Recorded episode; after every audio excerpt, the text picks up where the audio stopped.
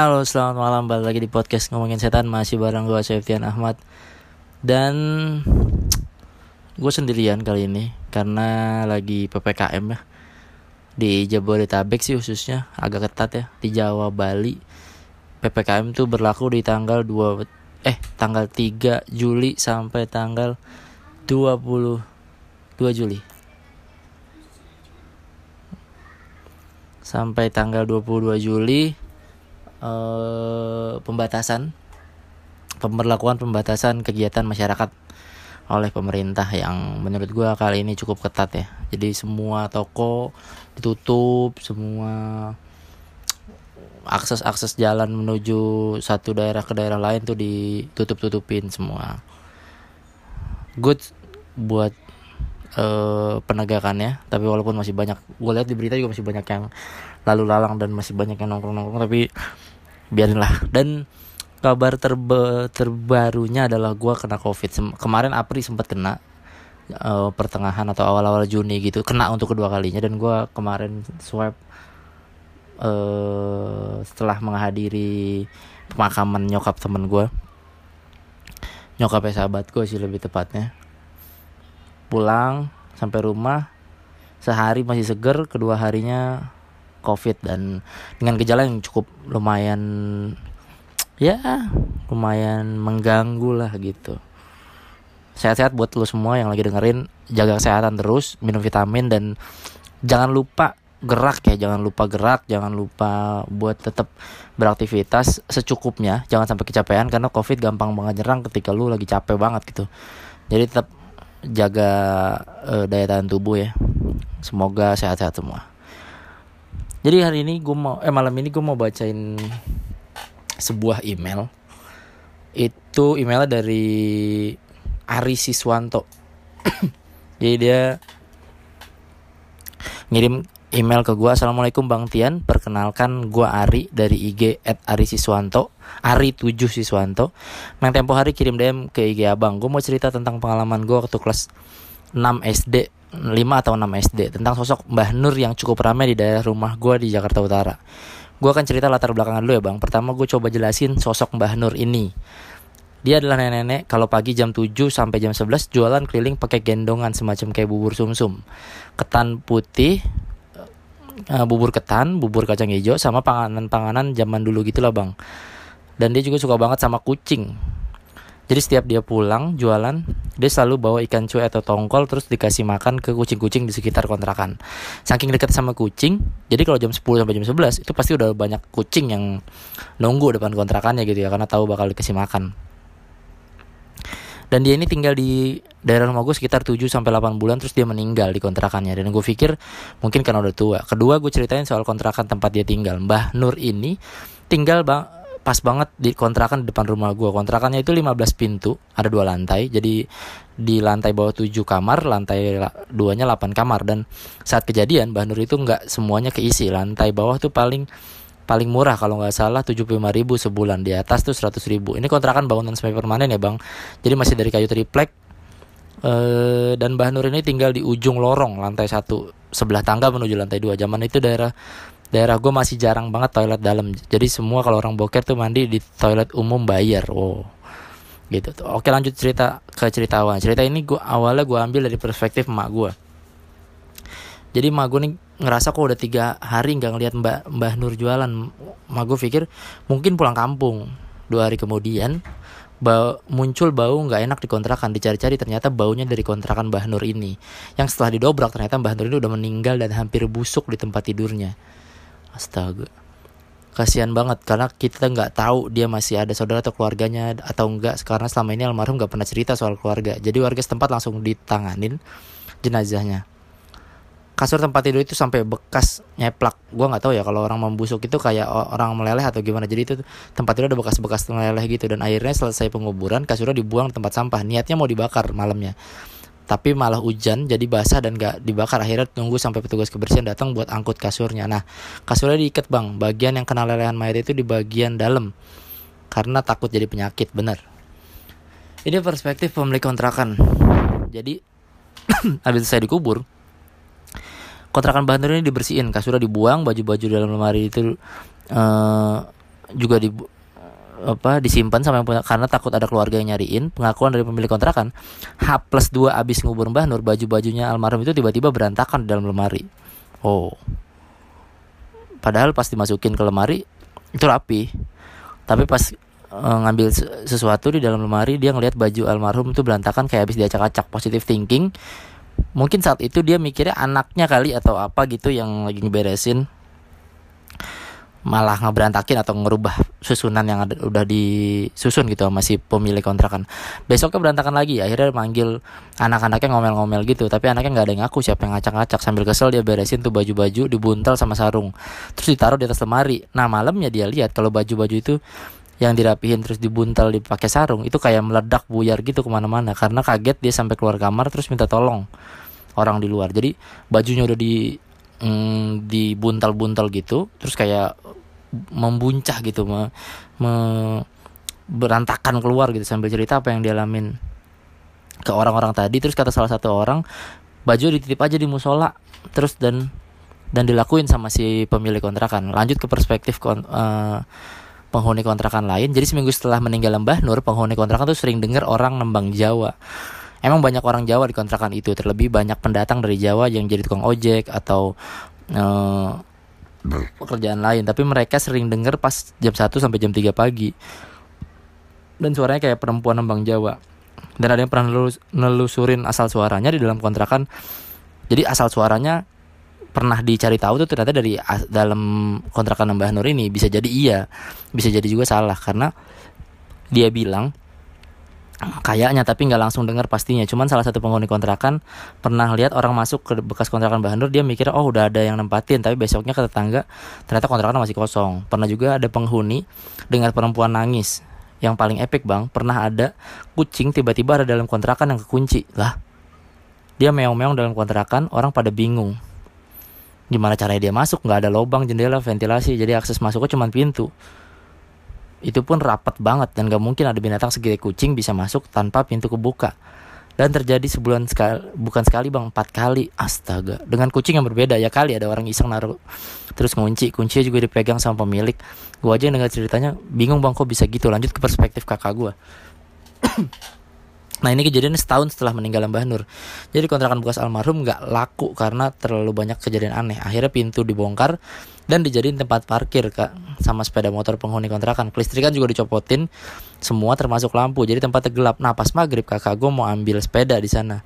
Kebetulan sepeda dipindahin sama orang di ujung kamar. Pas dia ambil sepedanya dia dengar suara pintu ditutup. Dia kaget dong. Kan ini nggak ada pintunya kok tiba-tiba ada pintu yang ada pintu dan ketutup. Dan pintunya nggak ada handle-nya dia juga mau buka. Nggak bisa bisa akhirnya gedor-gedor sambil pintu sambil teriak minta tolong. Nah penghuni situ nyamperin. Terus terusnya kakak gue di depan lubang pintu kayak mukul-pukul pintu padahal nggak ada pintunya. Penghuni juga bingung dia gedor-gedor apaan kok bunyi gedor-gedor gitu. Nah kakak gue di dalam itu gelap ngerasa kayak gedor-gedor pintu. Terus salah satu penghuni datang narik tangan kakak gue kakak gue langsung teriak gitu sampai lemes. Nah wah itu bentar ben ramai bener sih bang. Warga langsung pada kumpul. Akhirnya besoknya langsung dibikinin selamatan buat Mbah Nur kirim al-fatihah. Sebenarnya ada lagi bang cerita. Cuman kepanjangan banget emailnya. Thank you udah ngizinin gue cerita hal ini. Salam buat semua kru ngomongin setan. Thank you. Thank you berat si siapa nih namanya?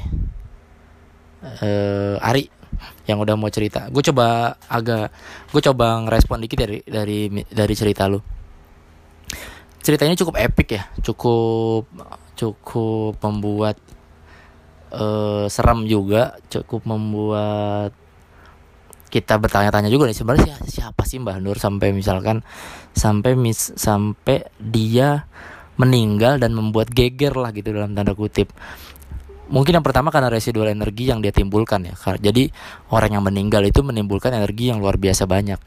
Dan itu disukain oleh para jin-jin yang kerap kali hadir kerap kali datang di tempat orang yang akan meninggal gitu. Apalagi sampai mayatnya atau jasadnya itu tidak buru-buru dimakamkan. Itu jin-jin tuh senang banget. Apalagi si Mbah Nur ini ternyata kan udah ber, udah satu atau dua hari meninggal kan di dalam kontrakan dan itu menurut gue jadi banyak banget aktivitas uh, jin yang mencoba menghirup energinya menurut gue dan tadi soal uh, kasur yang kayak ada lelehan gitu memang betul. Ketika jenazah itu ada di kasur kulit dan si keringet kan keluar ya. Jadi agak menempel dan itu emang emang kayak terkesan kayak atau terlihat kayak lelehan-lelehan gitu. Padahal itu memang kulit yang yang udah sangat lemes gitu ya sangat sangat uh, rapuh lah gitu. Makanya kalau misalkan berhari-hari tuh biasanya nem suka agak nempel gitu suka agak nempel di kasur. Makanya itulah kenapa setiap jenazah mayat tuh sebisa mungkin kan di dikebumikan secepat secepatnya gitu ya. Karena memang karena memang eh, satu nggak baik dan jenazah yang sudah tidak ada nyawanya itu rentan sekali terjadi pembusukan kan. Jadi sel-selnya udah pada mati segala macam itu tuh rawan lah rawan buat jadi busuk dan menimbulkan aroma-aroma nggak sedap gitu. Yang jadi pertanyaan adalah kenapa jadi Simbah Nur ini menjadi sangat uh, menyeramkan setelah dia nggak ada gitu ya. Itu tadi satu karena residual energi yang ditimbulkan karena dia udah beberapa, beberapa hari meninggal dan tidak ada yang ngurus itu itu bisa jadi satu. Atau memang Mbah Nur ini adalah seseorang gitu entah entah dia punya keturunan yang memang uh, berkaitankah dengan ilmu-ilmu seperti itu atau memang Mbah Nur ini punya kedekatan dengan dunia-dunia seperti itu. Akhirnya ketika dia meninggal itu energi-energi yang ditimbulkan setelahnya tuh lumayan banyak. Kayak misalkan tadi ada suara nembang ada suara eh, ada orang seolah-olah masuk ada kucing masuk tadi. Nah gua kalau kucing gue masih bisa agak menjelaskan dengan logis ya karena kalau kucing mungkin bisa lewat eh lu pernah lihat ada triplek yang kendor gak sih di plafon? Dia nggak dia nggak bolong tapi kendor gitu. Jadi si kucing itu kayak perangkap gitu. Jadi dia bisa masuk nggak bisa keluar. Jadi antara paku dan tripleknya itu udah udah rada copot gitu. Kayak perangkap tikus lu tau gak sih? Kayak yang bisa jeblos gitu. Tapi dia ntar posisinya nutup lagi. Nah itu bisa dijelasin kayak gitu. Mungkin empat kucing yang kejadian kayak gitu mungkin semuanya adalah kejeblos di situ. Mungkin ya gue nggak tahu. Tapi yang jadi pertanyaan adalah kenapa kucing tertarik masuk ke situ? Karena kan kucing instingnya juga pasti lebih kuat dong. Karena dia kan makhluk uh, hidup dan hewan tuh ya udah biasanya dia cuma ngikutin insting atau ngikutin makanan berburu makanan ada di mana gitu. Mungkin dia mencium aroma aroma yang dia suka gitu atau kebiasaan dia selama ini gitu karena dikasih makan gitu Mbah Nur mungkin akhirnya mencoba ke situ gitu mungkin. Gue gua gue sih nggak ngerti. Cuman cara masuknya bisa bisa dijelaskan uh, sangat logis gitu. Dan kalau misalkan dia nggak bisa keluar lagi ya sangat wajar gitu. Coba coba dicek plafonnya atau triplek triplek. Triplek triplek ya pasti pasti ada yang kendor gitu kalau misalkan. Ini secara logis ya. Tapi gue nggak tahu kalau misalkan ada hal gaib atau kekuatan lain yang membuat si kucing masuk dan gak bisa keluar lagi gue nggak tahu.